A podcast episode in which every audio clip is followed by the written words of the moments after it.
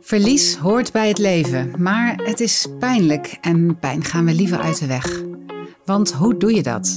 Leven met verlies en tegelijk een gelukkig mens zijn. Mijn naam is Jacomijn Kruisbrink en ik ga op zoek naar het andere gesprek over de dood, verlies en tegenslag. Luister naar verhalen waar verlies ook ruimte maakt voor een leven vol groei, zingeving en betekenis. Inspirerende verhalen die hoop geven. Dit is Shit is mest voor groei.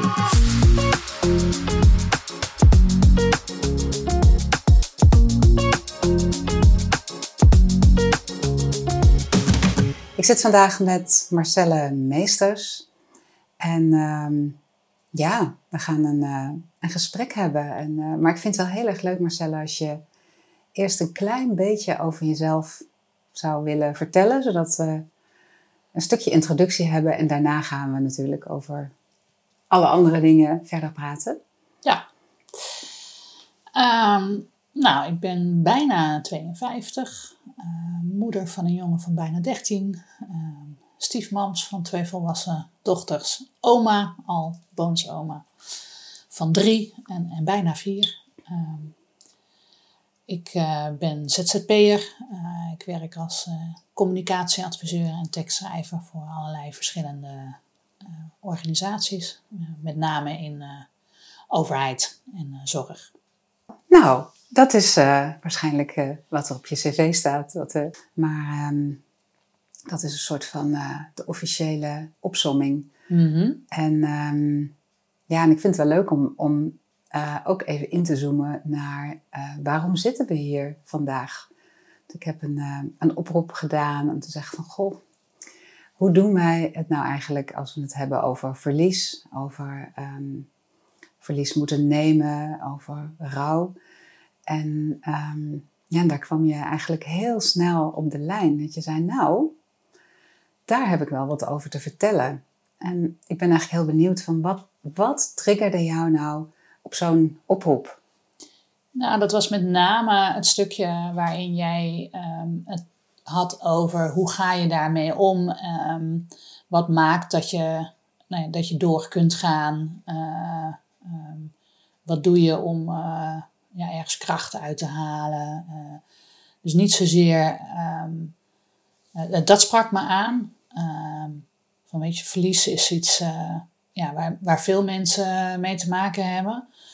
Um, en dat kan heel erg zijn, maar het gaat, het gaat er vooral bij mij althans om van ja, maar hoe ga je de, hoe, hoe pas je dat dan in, zeg maar? En hoe, het leven stopt dan niet of zo, hè?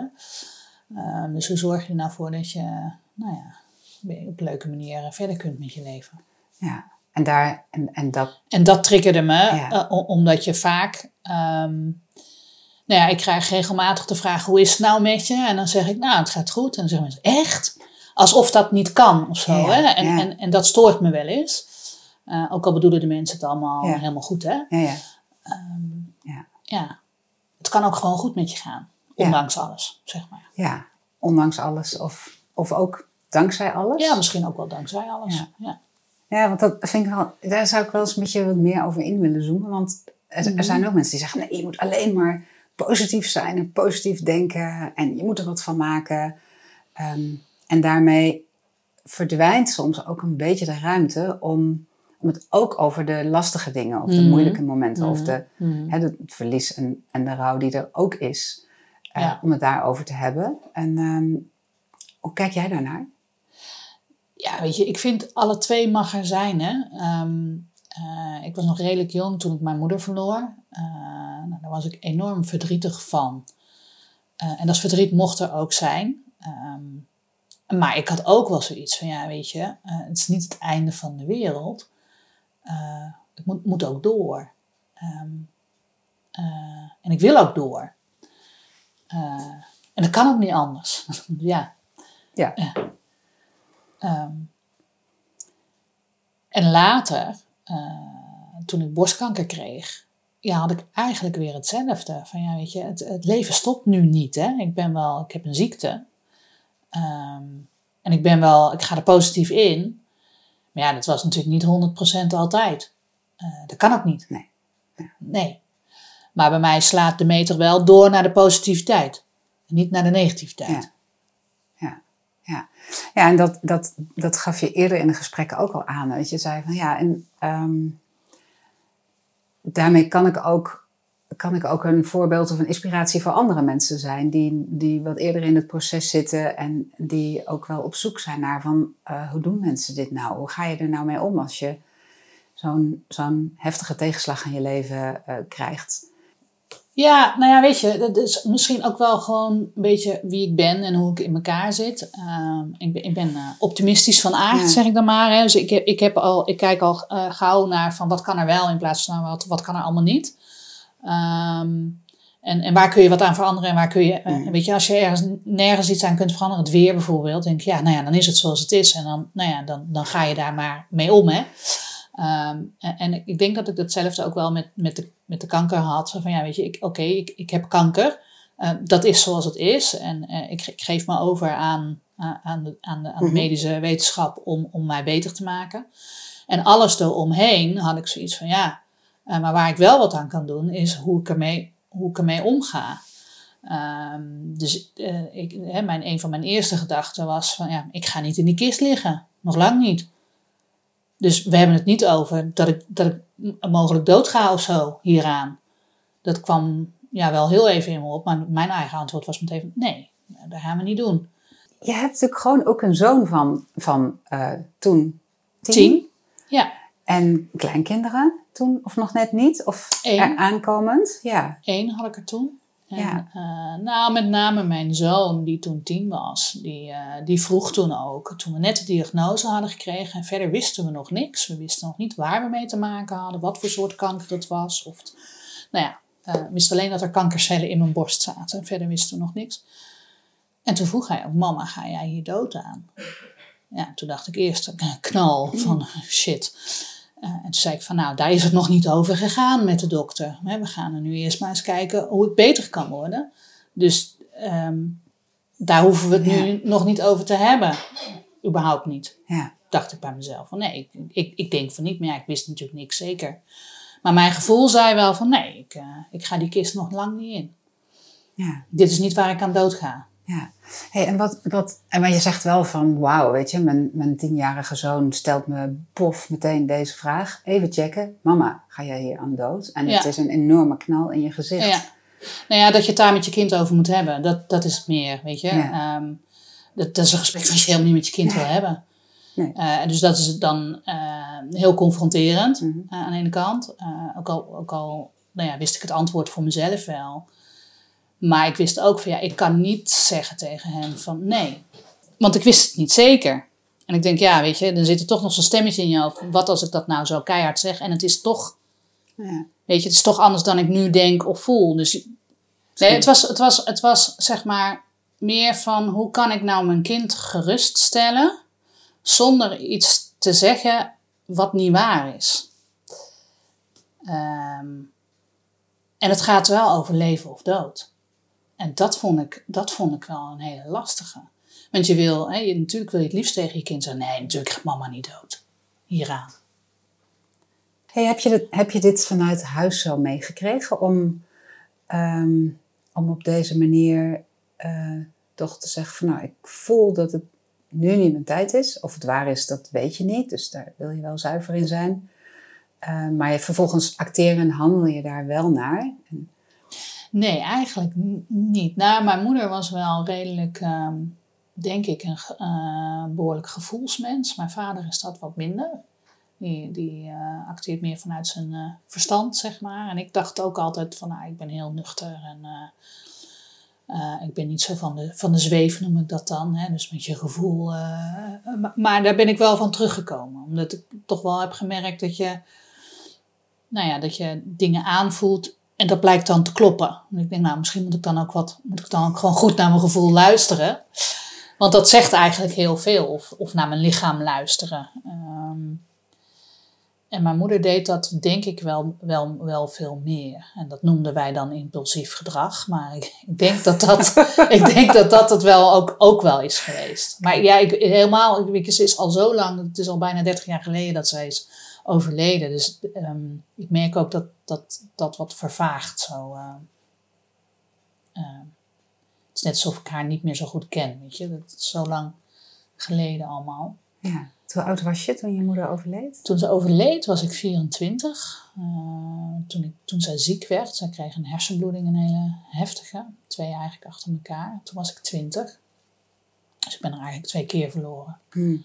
En want toen zij, toen zij uit die coma kwam, uh, ja, kon ze niks meer. Ze kon niet meer praten, ze kon niet meer lopen. Ze was incontinent. Uh, dus een moeder was ze op dat moment al, al niet meer. Hè. Ze was er nog wel, maar, maar niet meer. Zeker Ze was niet meer. je moeder, maar ze kon niet meer de dingen doen die moeders Nee, doen. nee, Ja. helemaal niet. De rollen werden eigenlijk omgedraaid. Eh, hè, want ik heb haar ook nog verzorgd en eh, nou ja, de luiers verschoond en eh, dat soort dingen allemaal. Eh, Ja, ja, dan ben je opeens je kindrol daar wel in kwijt. Hè? ja, dat ging heel snel toen. En, eh, en toen ze, hè, want uiteindelijk heeft ze zelf aangegeven eh, van nou, ik- dit leven wil ik niet meer. Ehm, en toen is ze met euthanasie is ze toen eh, nou ja, eh, eruit gestapt, zeg maar. Daar waren wij ook bij, mijn broer en ik. Eh, en ook nauw bij betrokken. Ehm, en ik snapte daar wel.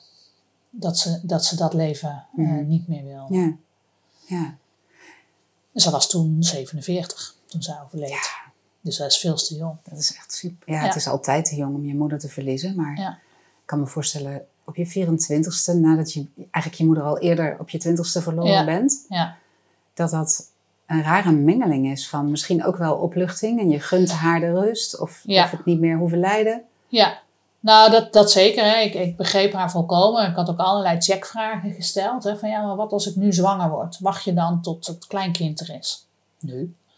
Nou, allemaal van dat soort eh, checkvragen bij stel, om, om gewoon zeker te weten van is dit nou echt wat je, Mhm. wil, je wil je nou echt niet meer leven?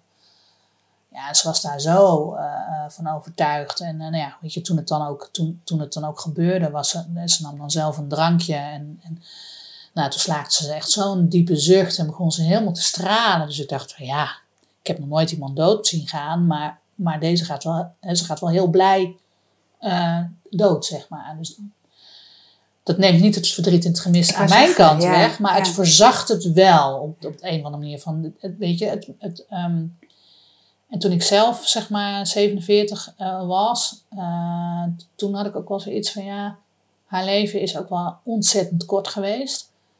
Ehm, en de laatste jaren van haar leven was voor haar de kwaliteit van leven gewoon echt, ja, niet.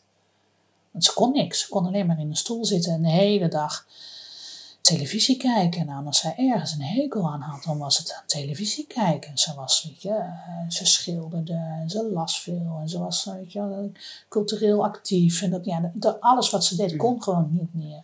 Dus het enige wat ze nog kon, want ze kon ook niet meer lezen, was naar die, dat stomme kastje kijken. Ja, dat was Ja. voor haar geen, Ja. geen kwaliteit van leven meer.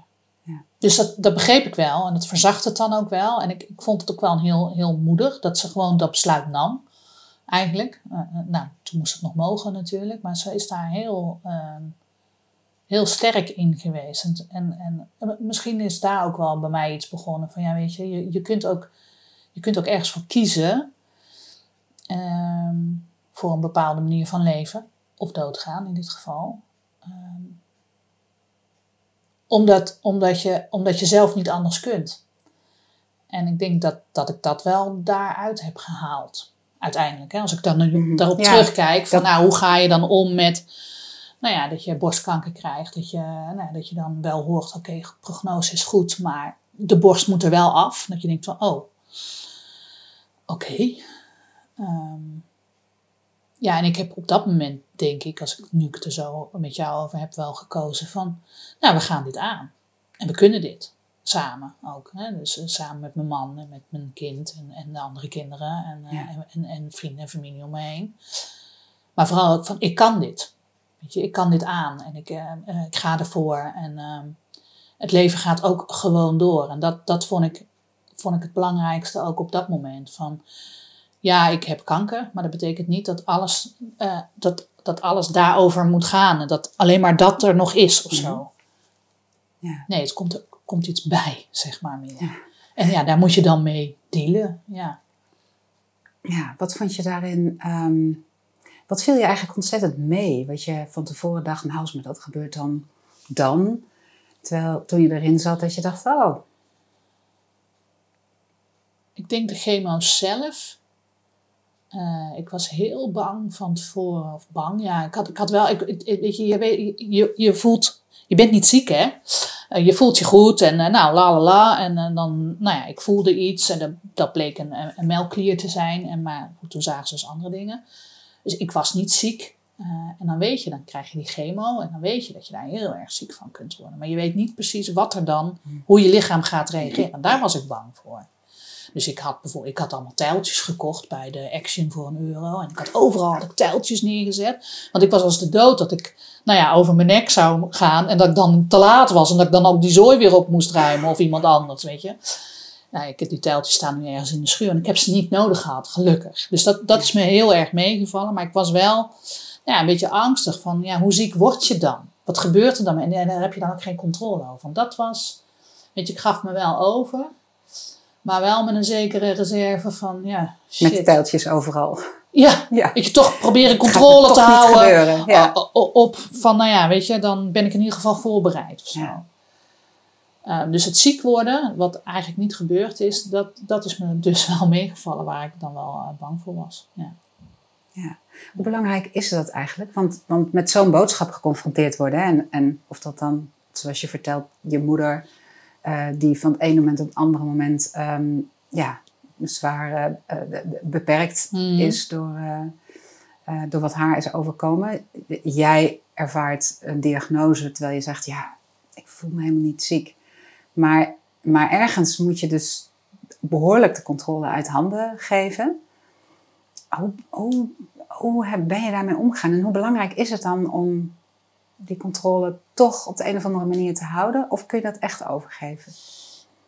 Uh, nou, ik ben denk ik voor mezelf wel op zoek gegaan naar dingen waar ik wel de controle over kon houden. Dus zorgen dat je de goede informatie hebt, dat je de goede gesprekken hebt met de oncoloog, met, uh, nou ja, met, met je man over mogelijke uh, dingen die kunnen gebeuren en hoe ga je daar dan uh, samen mee om. Um, dus, dus toch wel op zoek gaan naar datgene waar je wel controle op hebt. Ehm, eh, ja, en, en um, ik had zoiets van, ja, weet je, die kanker, daar weet ik verder niks van. Er is een oncoloog die weet precies hè, waar ze mee te maken heeft en, uh, en hoe ze dat het beste kan genezen. Dus daar heb ik wel al mijn vertrouwen in, in gelegd. Mhm. en, en dat is ook niet beschaamd, gelukkig. Weet je? Dat is ook allemaal goed gegaan. En dat is dan best eng, want je legt eigenlijk je, je lot of je leven leg je in de handen van. Nou, dokter. Alsjeblieft. Alsjeblieft. Hier is het. Maar, maar dat wat je zelf kunt doen tijdens zo'n proces, hè, is dus goed voor jezelf zorgen, uh, in beweging blijven, um, met voeding een beetje opletten. Um, uh, voor zover dat gaat. Hè. Um, want er zijn ook gewoon dingen, ja, je, je smaak verandert. Um, mijn eetlust veranderde gelukkig niet. Um, ja, dat kun je wel. maar dat is wel, ja, ik vond dat wel lastig, ja. Uh, Wat maakte het lastig? Nou, omdat ik wel graag de controle heb over hoe de dingen gaan. Ik ben wel van het plannen. En ja, uh, kanker laat zich in zoverre niet plannen, maar de behandeling dan gelukkig weer wel. Hè? Dus ik was dan wel van oké, okay, uh, we beginnen dan met de chemo, en 1, 2, 3 en dan... Weet je, dan wist ik precies van oké, okay, dan heb ik behandeling uh, 1 en dan twee weken later dat. Uh, en alles wat er dan omheen gebeurt, of hoe je reageert, daar heb je um, dan geen controle over. En toen ik mijn haar begon te verliezen, ik dacht van tevoren, dat zal, ja, nou ja, dan word ik kaal. Hè? Maar toen het gebeurde, vond ik het verschrikkelijk. Nou, dat overviel me wel. Mm. Dat ik daar zo emotioneel van was. Gewoon overstuur. En uh, daar heel erg mee bezig was. Of anderen dat dan zagen. Terwijl ik was nooit zo. Het maakte mij het uit of iemand anders nou vond dat ik er goed uitzag of niet. Ja. Je, ik was nooit zo met make-up of, of weet ik veel wat bezig. Maar nu vond ik het wel ineens heel belangrijk dat niemand zag dat ik, uh, nou ja, dat ik her en der wat kale plekken kreeg.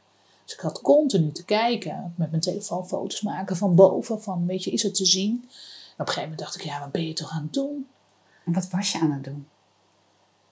Ik was eigenlijk, denk ik, aan het zoeken naar het moment waarop ik zelf de beslissing kon nemen van, en nou is het klaar met dat haar. En dat gebeurde eigenlijk pas toen ik ergens las van kaal worden is erger dan kaal zijn. En toen dacht ik, dat is het. En toen zei ik, en nou moet het eraf. Daar was de kapper in het ziekenhuis nog niet helemaal mee eens. Maar hij zei, er zijn heel veel vrouwen die zouden, ook zonder dat ze kanker hebben, heel blij zijn met jouw zaak. Ik zei, ja, maar ik niet meer. Dus het moet eraf. En toen was het goed. Toen had ik toch weer zelf de controle gepakt. Ik heb niet, zeg maar, afgewacht tot, tot het, nou ja, te Ja. erg werd, zeg maar. Ik vond het zelf namelijk te erg worden. Erg. Ja, ja. Ja. En, en gaat het dan. ehm, wordt het minder erg als je weer controle hebt? Of gaat het veel meer over dat je je hoofd buigt en zegt: Oké, het is zo en nu ga ik daar ook naar leven en handelen? Wat, zit daar verschil tussen bij jou? Eh, ik weet niet zozeer of ik dan mijn hoofd buig, maar het is meer dat je, nou ja, dat je het accepteert of zo. Van oké, oké. En dat betekent dus, maar dat betekent dus wel in dit geval van oké, ik, ik, hè, ik had al besloten, ik ga niet meer. hè, Ik ben begonnen toen met een cold cap, hè, om te proberen om mijn haar te behouden. Nou, dat is de hel, vond ik dat. Echt de hel. Veel te koud en de behandeling duurde daardoor nog langer. En ik had echt zoiets van, oh, dit trek ik niet. Dus als je daarmee stopt, dan weet je al van, oké, nou wordt het kaal. Dus dat is al een moment dat je je daaraan overgeeft. Uh, het hoofdbuigen vind ik niet zo, past niet zo bij me. Nee. Het is Ja. meer accepteren van het proces waar je in zit. En dat dat, nou ja, weet je, je probeert iets te behouden. Nou, dat lukt dan niet, dus dat is dan een teleurstelling. Oké, maar hoe ga ik dan, hoe ga ik dan weer door? Ja. Nou, en dat kostte, met dat haar kostte me dat wel even moeite, ja. Ja. Had ik wel zoiets van, Wat heeft je, wat heeft je echt geholpen om, eh, om dat te accepteren uiteindelijk en, daar- en weer door te kunnen? Eh, een hele goede pruik. een hele mooie pruik had ik. Eh, ik kocht allemaal leuke mutsjes. Waarbij ik zelf zoiets had van, nou, daar wil ik ook wel mee over straat. Niet meteen, hè? Want, dat is, eh, want dan, iedereen ziet dan meteen dat je kanker hebt, hè? Als je zo'n mutsje op hebt.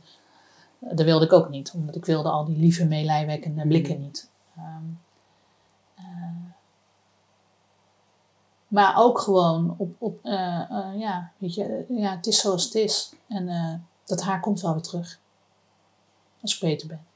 Ja, uiteindelijk is er een belangrijker doel waar je mee bezig bent. Nou ja, dat is het. Eh, ehm, en, en je laat je dan even afleiden door wat, wat uiterlijkheden. Zo zie ik het nu, hè. Maar op, op dat moment... ehm, nou, je, je verliest een stuk van jezelf. Dat is het, denk ik. Op dat moment. En je verandert zo. En dat is natuurlijk op heel veel. Als je, als je borstkanker krijgt, ehm, Ja. verlies je meer dan alleen je haar. Ja, ja, ja. Geldt niet Ja. voor iedereen eh, gelukkig. Maar ja, ik ben wel één, borst eh, verloren. Ja, dan verlies je wel eh, een deel van je, van, je, van je zijn, zeg maar. Toch? Ja, de Eh, vrouwelijkheid De van je- vrouwelijkheid. ehm, je zelfbeeld verandert. Het klopt niet meer. Voor mij klopte het niet meer.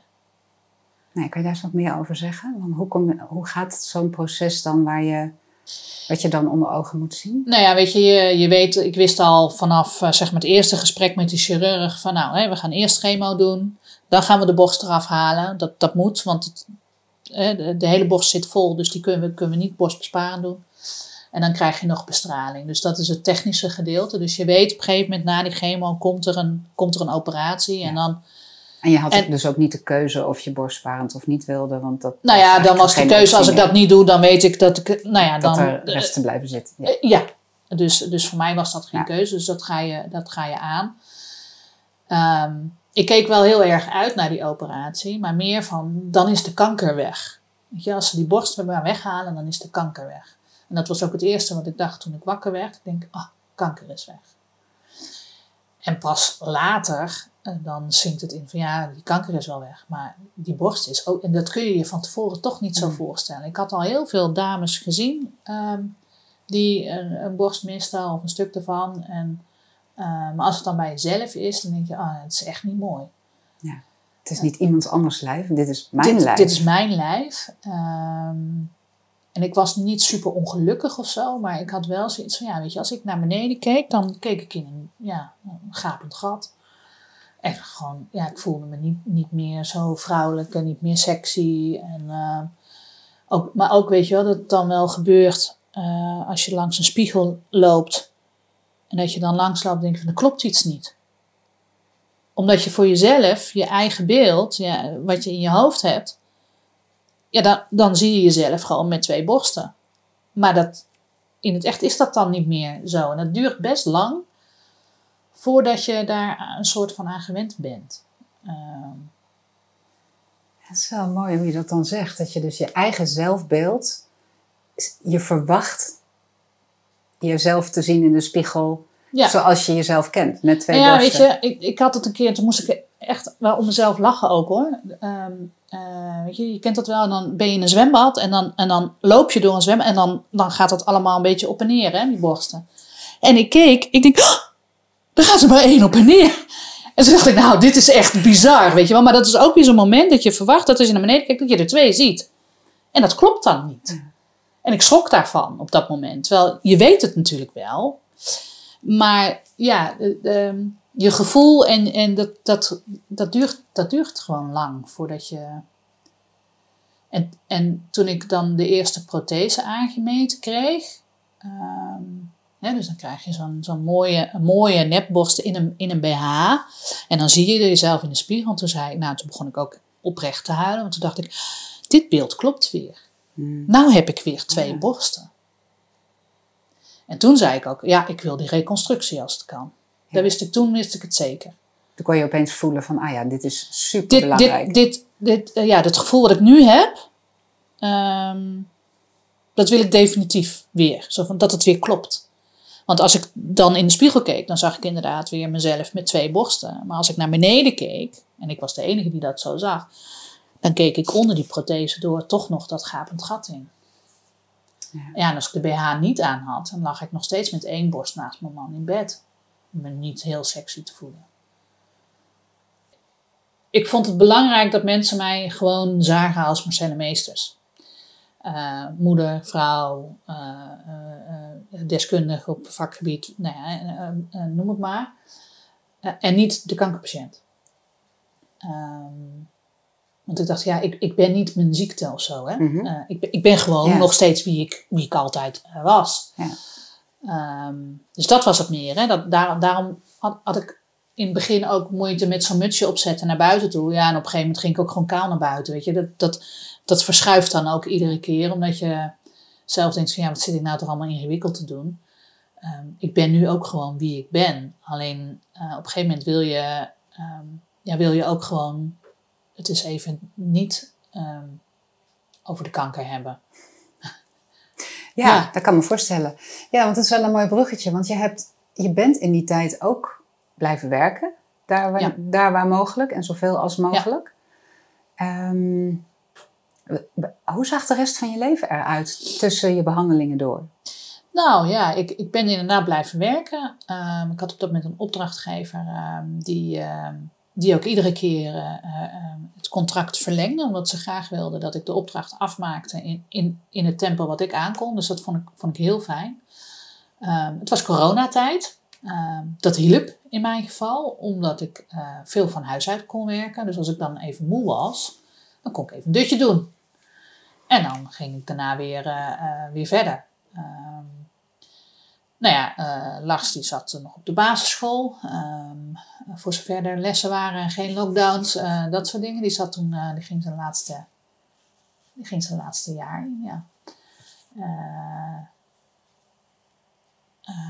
dus ja, het, het, ja die, daar deed ik gewoon de dingen in en mee. En dus eigenlijk ging al het andere gewoon door. Alleen, soms, ja, dat werd wel steeds een tandje lager. Dat je energie gewoon minder wordt door die, mm -hmm. door die chemo.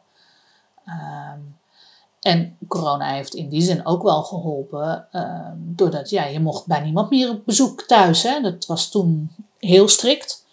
Um, en dat zorgde er wel voor dat mensen ook niet durfden langs te komen. En ik merkte wel dat heel veel mensen het heel moeilijk vonden om mij niet te knuffelen. Dan krijg je te maken met de behoefte van een ander, hè, om je eens even lekker vast te pakken ja, en te troosten. Dat mocht niet. En ik vond dat ook niet zo erg. Um, want ik vond mezelf helemaal niet zo zielig namelijk. Um, en um, maar ik, ik, ik snapte het wel hoor. Dat mensen, dat, met name mijn vader en mijn schoonmoeder, die vonden dat heel moeilijk, dat weet ik. En, uh, maar het hielp ook wel om, om uh, nou ja, het was dus heel veel rust ook. Dus ik kon ook wel de rust pakken die, die er nodig was. Want ja, in de weekenden ging je ook mee, en, en ja, net zoals heel Nederland, je ging lekker een wandeling maken buiten. En verder, verder deed je niet zoveel, hè? geen feestjes, geen dingen. Geen... Dus ja, uh, um, ik kon daardoor wel uh, goed opladen steeds tussen, ja. tussen alle behandelingen ja. door. Ja, dus in jouw geval was het echt een, een uh, goede bijkomstigheid dat de wereld een beetje op slot ging. Want een jaar eerder als dat niet het geval was geweest, dan had je jezelf op slot moeten doen. En, en... Ja, en dat is denk ik wel lastig. Uh, maar je moet wel, hè, uh, want door die chemo ben je zo kwetsbaar. Dat, dat wordt ook in alle dingen gezegd van, hè, zoek geen grote mensenmassa's op. Zorg dat je van, bij mensen vandaan blijft die ja. verkouden zijn. Omdat je, nou ja, dat was nu, ik hoefde dat niemand te vertellen. Ja, opeens snapte iedereen dat. Dus de buitenwereld was daar ja. in ieder geval een stuk toegankelijker. Heb, je, heb je je ook eenzaam gevoeld? In, in... Nee. Nee. Niet? Nee. Nee, want we hebben een hecht gezin. Uh, ja. uh, we, kunnen, we kunnen alles bespreken en ook bespreekbaar maken. Um, en ik heb heel veel uh, via beeld gebeld met heel veel vrienden, familie. Ik heb ben een blog gaan bijhouden, omdat ja, iedereen bellen was, was wat lastig. daar kreeg ik dan ook reacties op. of mensen belden dan even. Ik heb heel veel kaartjes gekregen. Ik heb, ik, heb, ik heb maanden geen bloemen hoeven kopen. Um, dus er werd echt ontzettend veel ook uh, aan me gedacht. Uh, ja, uh, heel lief en heel attent. ik ben daar zelf ook wel een stukje attenter door geworden. Omdat ik merkte hoeveel, hoeveel dat ook met je doet dan op zo'n mm. moment. Ja. Je ervaart het heel, vanuit een heel ander perspectief ja. dan natuurlijk. Ja. Ja. Ja. Ja. ja. ja want je hebt zelfs een boek uitgegeven. In die, In die periode. Ja, ja, daar was ik al mee begonnen. Een boek over de overgang. En toen uh, de diagnose kwam, um, waren we eigenlijk net, en ik heb dat samen met iemand anders geschreven, uh, bezig om de laatste puntjes op de i te zetten. Dus hebben we toen net nog, voordat ik mijn eerste chemo zou krijgen, hebben we nog een hele dag uh, gewerkt om alle laatste dingen nog te doen, zodat het daarna um, naar de uitgever komt voor de, voor de layout en dat soort zaken. Zodat ik ook even niks meer hoefde, behalve dan te zeggen van nou, dit vind ik niks en dat vind ik wel een mooie cover. Um, en dat is allemaal prima gegaan. En een maand na mijn operatie, dus na de amputatie, um, hadden we de kick-off, zeg maar.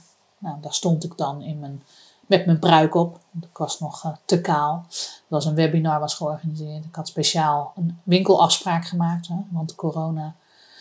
Want ik wilde een nieuwe jurk hebben. Die, want ik had allemaal van die veehalsjes.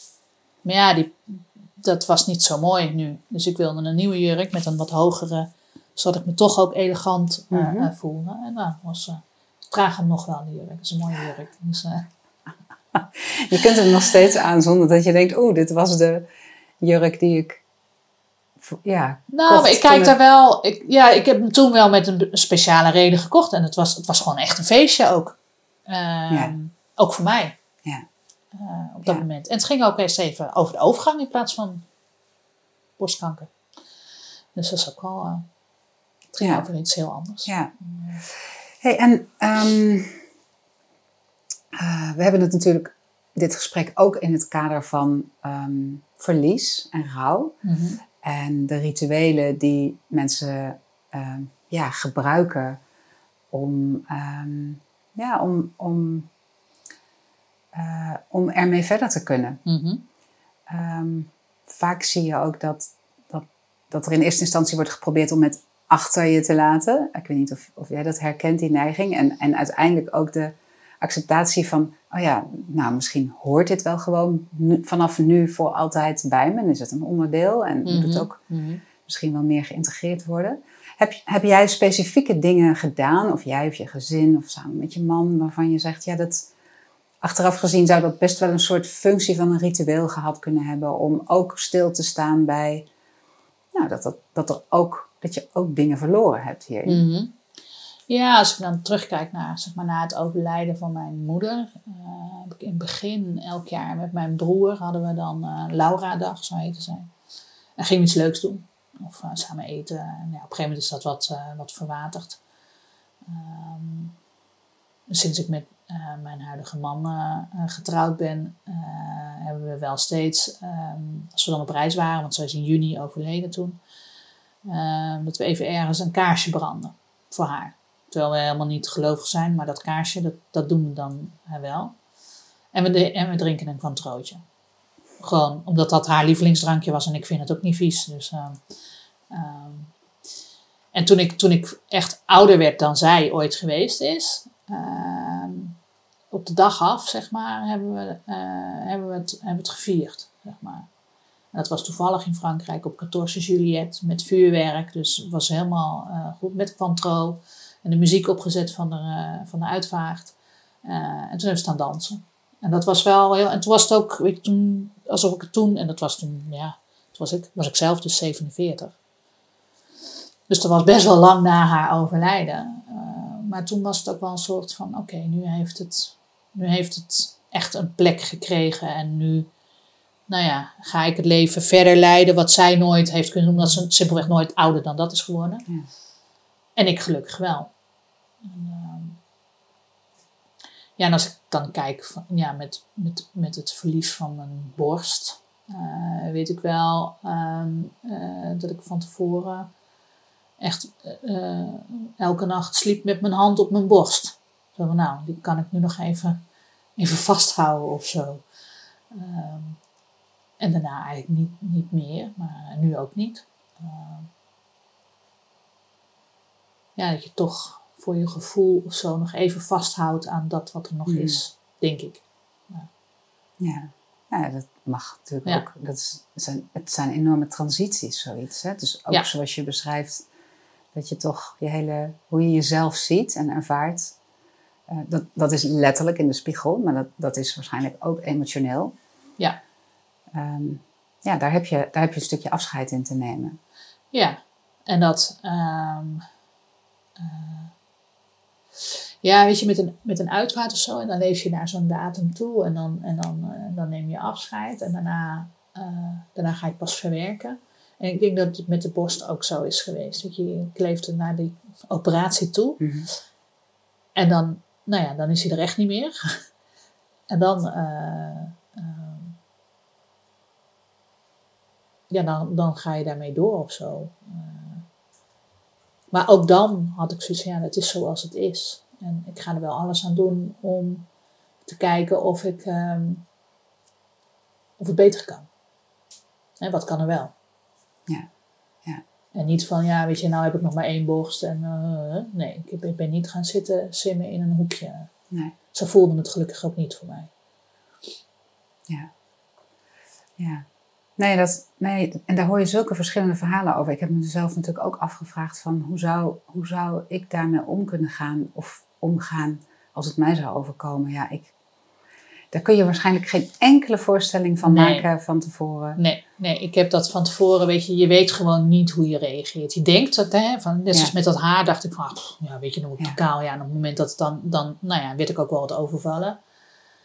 Ehm, met, met de borstamputatie had ik ook zoiets van, ja, weet je, die borst gaat eraf. Maar je, je hebt dan eigenlijk geen idee hoe je, hoe je, da- hoe je daarop reageert. Eh, om, om, het is niet iets wat je, nou ja, ehm, je weet het gewoon niet hoe dat voelt. Ja. Ehm, en ook niet nu, hè, nu ik de reconstructie heb eh, gehad, hoopte ik en dacht ik van nou, daar ben ik dan hopelijk heel erg blij mee.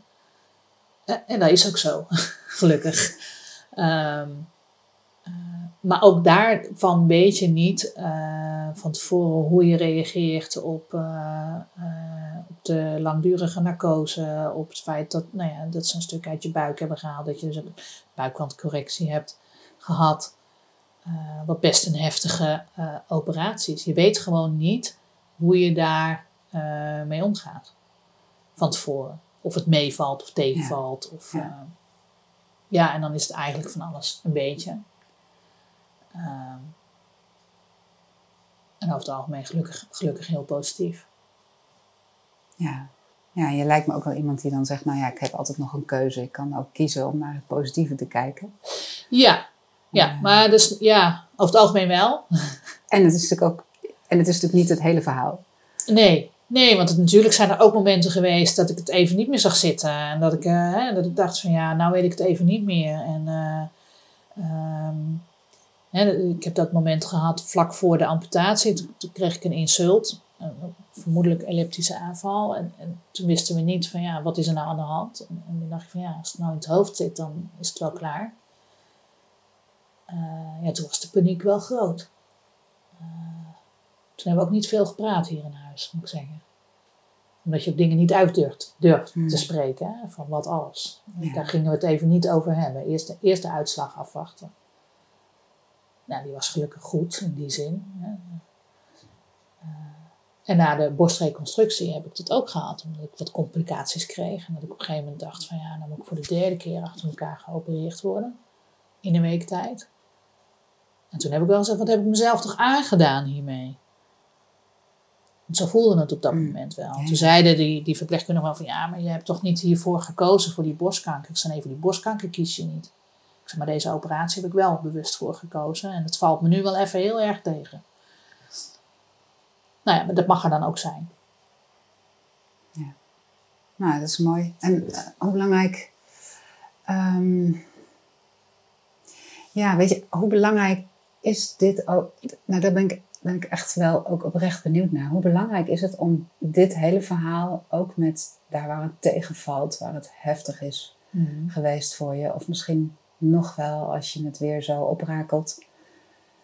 Hoe belangrijk is het om om dit verhaal ook te kunnen delen? Nou, uh, wat, ik, wat ik heb gemerkt is dat heel veel uh, mensen om mij heen um, nou ja, zich afvroegen van, goh, hoe doe je dat toch? Hè? Uh, positief inzitten, ondanks alles. En dat het ook wel mensen om mij heen heeft geholpen om, om met mijn ziekte om te gaan. Toen dacht ik, oh oké. Okay. Uh, daar was ik niet zo mee bezig natuurlijk. Uh, uh, later ben ik dat wel meer gaan begrijpen, omdat iemand in mijn familie hetzelfde kreeg. En dat je dan denkt van, oh ja, oké, okay, zo machteloos voel je je dus. als, als, als omstander, zeg ja, maar. Um, en, en, dat had je je tijdens de ziekte niet Nee, daar was ik heel, was je natuurlijk ook nee, ik was met mezelf bezig. En was niet zo bezig met hoe anderen dat dan daarmee om, omgaan de wereld is wat dat betreft, uh, draait dan toch wel een beetje om jezelf en, en, en, je directe gezin. Mhm. Maar toen merkte ik wel van oké, ehm, als je er zelf uh, positief in zit en er gewoon over kunt vertellen en ook gewoon, gewoon kunt vertellen over de dingen die, nou, die gewoon niet leuk zijn. En hoe erg en, en, zo'n MRI eigenlijk is, wat voor herrie dat dan maakt. Uh, en hoe vervelend dat is dat je met, met je borsten zo in zo'n ballenbak moet, moet hangen. En heel ongemakkelijk is. Al, al dat soort dingen moeten ook gewoon verteld kunnen worden. Zonder dat het een drama is of zo. En dat merkte ik wel, dat mensen dat wel heel fijn vonden om van mij te horen. En ik heb ook wel van anderen gehoord dat ze het prettig vonden van, oh, oh dus zo gaat dat. Blijkbaar wordt daar toch niet uh, hmm. ja, zo over gesproken. Uh, terwijl ik zoiets had van, ja, weet je, als ik dan zo'n blog schreef, uh, ja, dan schreef ik het gewoon op zoals ik het had ervaren. Um, ook wel met het idee om mensen te laten weten, ja, hoe is dat nou als je in zo'n bestralingsmachine ligt en zo'n dame de hele tijd maar zegt dat je je adem moet inhouden en dat je je afvraagt, kan ik dat wel zo lang? En wat er gebeurt er als, weet je, al dat soort gedachten die dan door je heen gaan. denk ja, dat mogen anderen best weten. Um, Omdat dat soort details deelde je ook echt in, in je blog. Met name in mijn blog, ja, ja. ja. En ik denk dat het, um, ook al ben ik er zelf niet zo naar op zoek gegaan, hè, naar lotgenotenverhalen of zo. Ik denk wel dat het, dat het anderen kan helpen om te horen van iemand. Uh, nou ja, hoe, het, hoe het ook kan. Ehm, door nou ja, een portie geluk zeg ik dan, een goede prognose gecombineerd met een positieve mindset, dat je dan nou ja, oprecht kunt zeggen: het gaat heel goed met me. Uh, want je hoort vaak de, de, de, de dramaverhalen hè, van uh, mensen met wie het niet goed gaat of met wie het niet goed afloopt. Uh, terwijl ja, het is niet, weet je, uh, als je de diagnose kanker krijgt, is het niet per definitie een doodsvonnis. Gelukkig. Ja. En er kan nog heel veel wel. En je kunt ook gewoon blijven werken. En je, weet je, maar je moet het wel over hebben. Ook met je, met je werk of met je opdrachtgever. Je moet wel aangeven van ja, weet je, dit kan ik en dat kan ik niet moet je wel open in durven zijn, anders dan werkt het niet. Ja. ja, dat heb je gedaan. En, dat is, uh, en, en, en daarin kun je nu ook inderdaad um, delen over hoe dat voor jou is verlopen met anderen, zodat er een, een gevarieerder verhaal naar buiten komt. Ja, ja. ja. ja. Nou heb je als eerder een boek geschreven. Um, is dit... Uh, uh, ja. Is dit ook iets uh, wat nog naar buiten gaat komen? Nou, misschien maar ik ben nog een beetje aan het zoeken naar. Uh, weet je, ik. Ja, ik heb ook wel gedacht van ja, misschien kan ik een keer ergens uh, spreken of zo. Hè, tijdens een een of ander event over uh, borstkanker. Of over, weet je, gewoon om door mijn verhaal te vertellen aan zo'n zaal vol met mensen die. Nou ja, dan ook een positief verhaal horen in plaats van de verhalen over. Um, hoe moe je bent of hoe moe je naar de chemo bent. Of, weet je, ik heb dat allemaal niet, gelukkig. Hè? Uh, daar ben ik wel uniek in. Maar ik denk, ja, als ik, als ik het heb, dan, dan is er ook een kans dat andere vrouwen ook minder klachten hebben na de chemo. Het is niet allemaal kommer en kwel. Het kan ook gewoon goed met je gaan daarna. Ja, en hoe belangrijk is het om dit ook te weten als je daar net aan begint? Is het belangrijk om te weten dat het... Ja, dat denk ik wel. Het is net wat ik zeg, het is, het is A, het is geen doodsvonnis. En B, of tenminste hoeft het niet te zijn. Hè? En B, denk ik van ja, um, er gebeurt op zo'n moment best wel heel veel met je. Maar ik denk wel dat, dat het ook belangrijk is om te weten van ja, maar het leven gaat ook, je kunt ook gewoon doorgaan met het leven wat je al had. Hè? Um, je moet, ja, die kanker moet je inpassen en de behandeling. Um, maar er is wel een kans van doorkomen als je ook gewoon de dingen blijft doen die je al deed. Alleen misschien een ander tempo. En, en um, het is niet zo dat, dat de wereld stopt op het moment dat jij kanker hebt.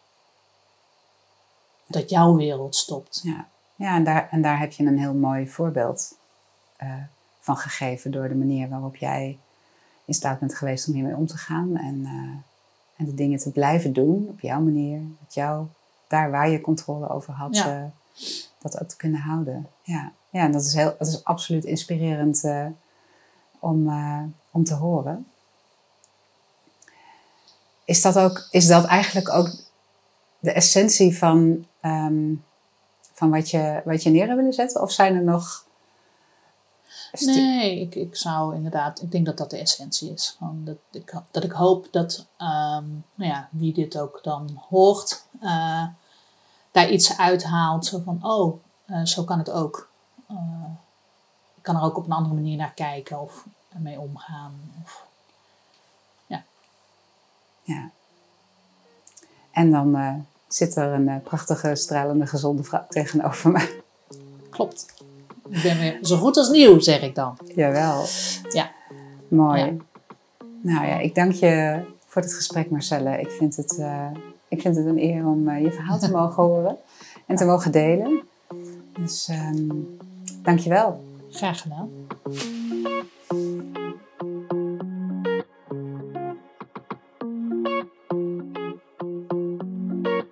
Geweldig dat je weer luisterde naar Shit is Mest voor Groei.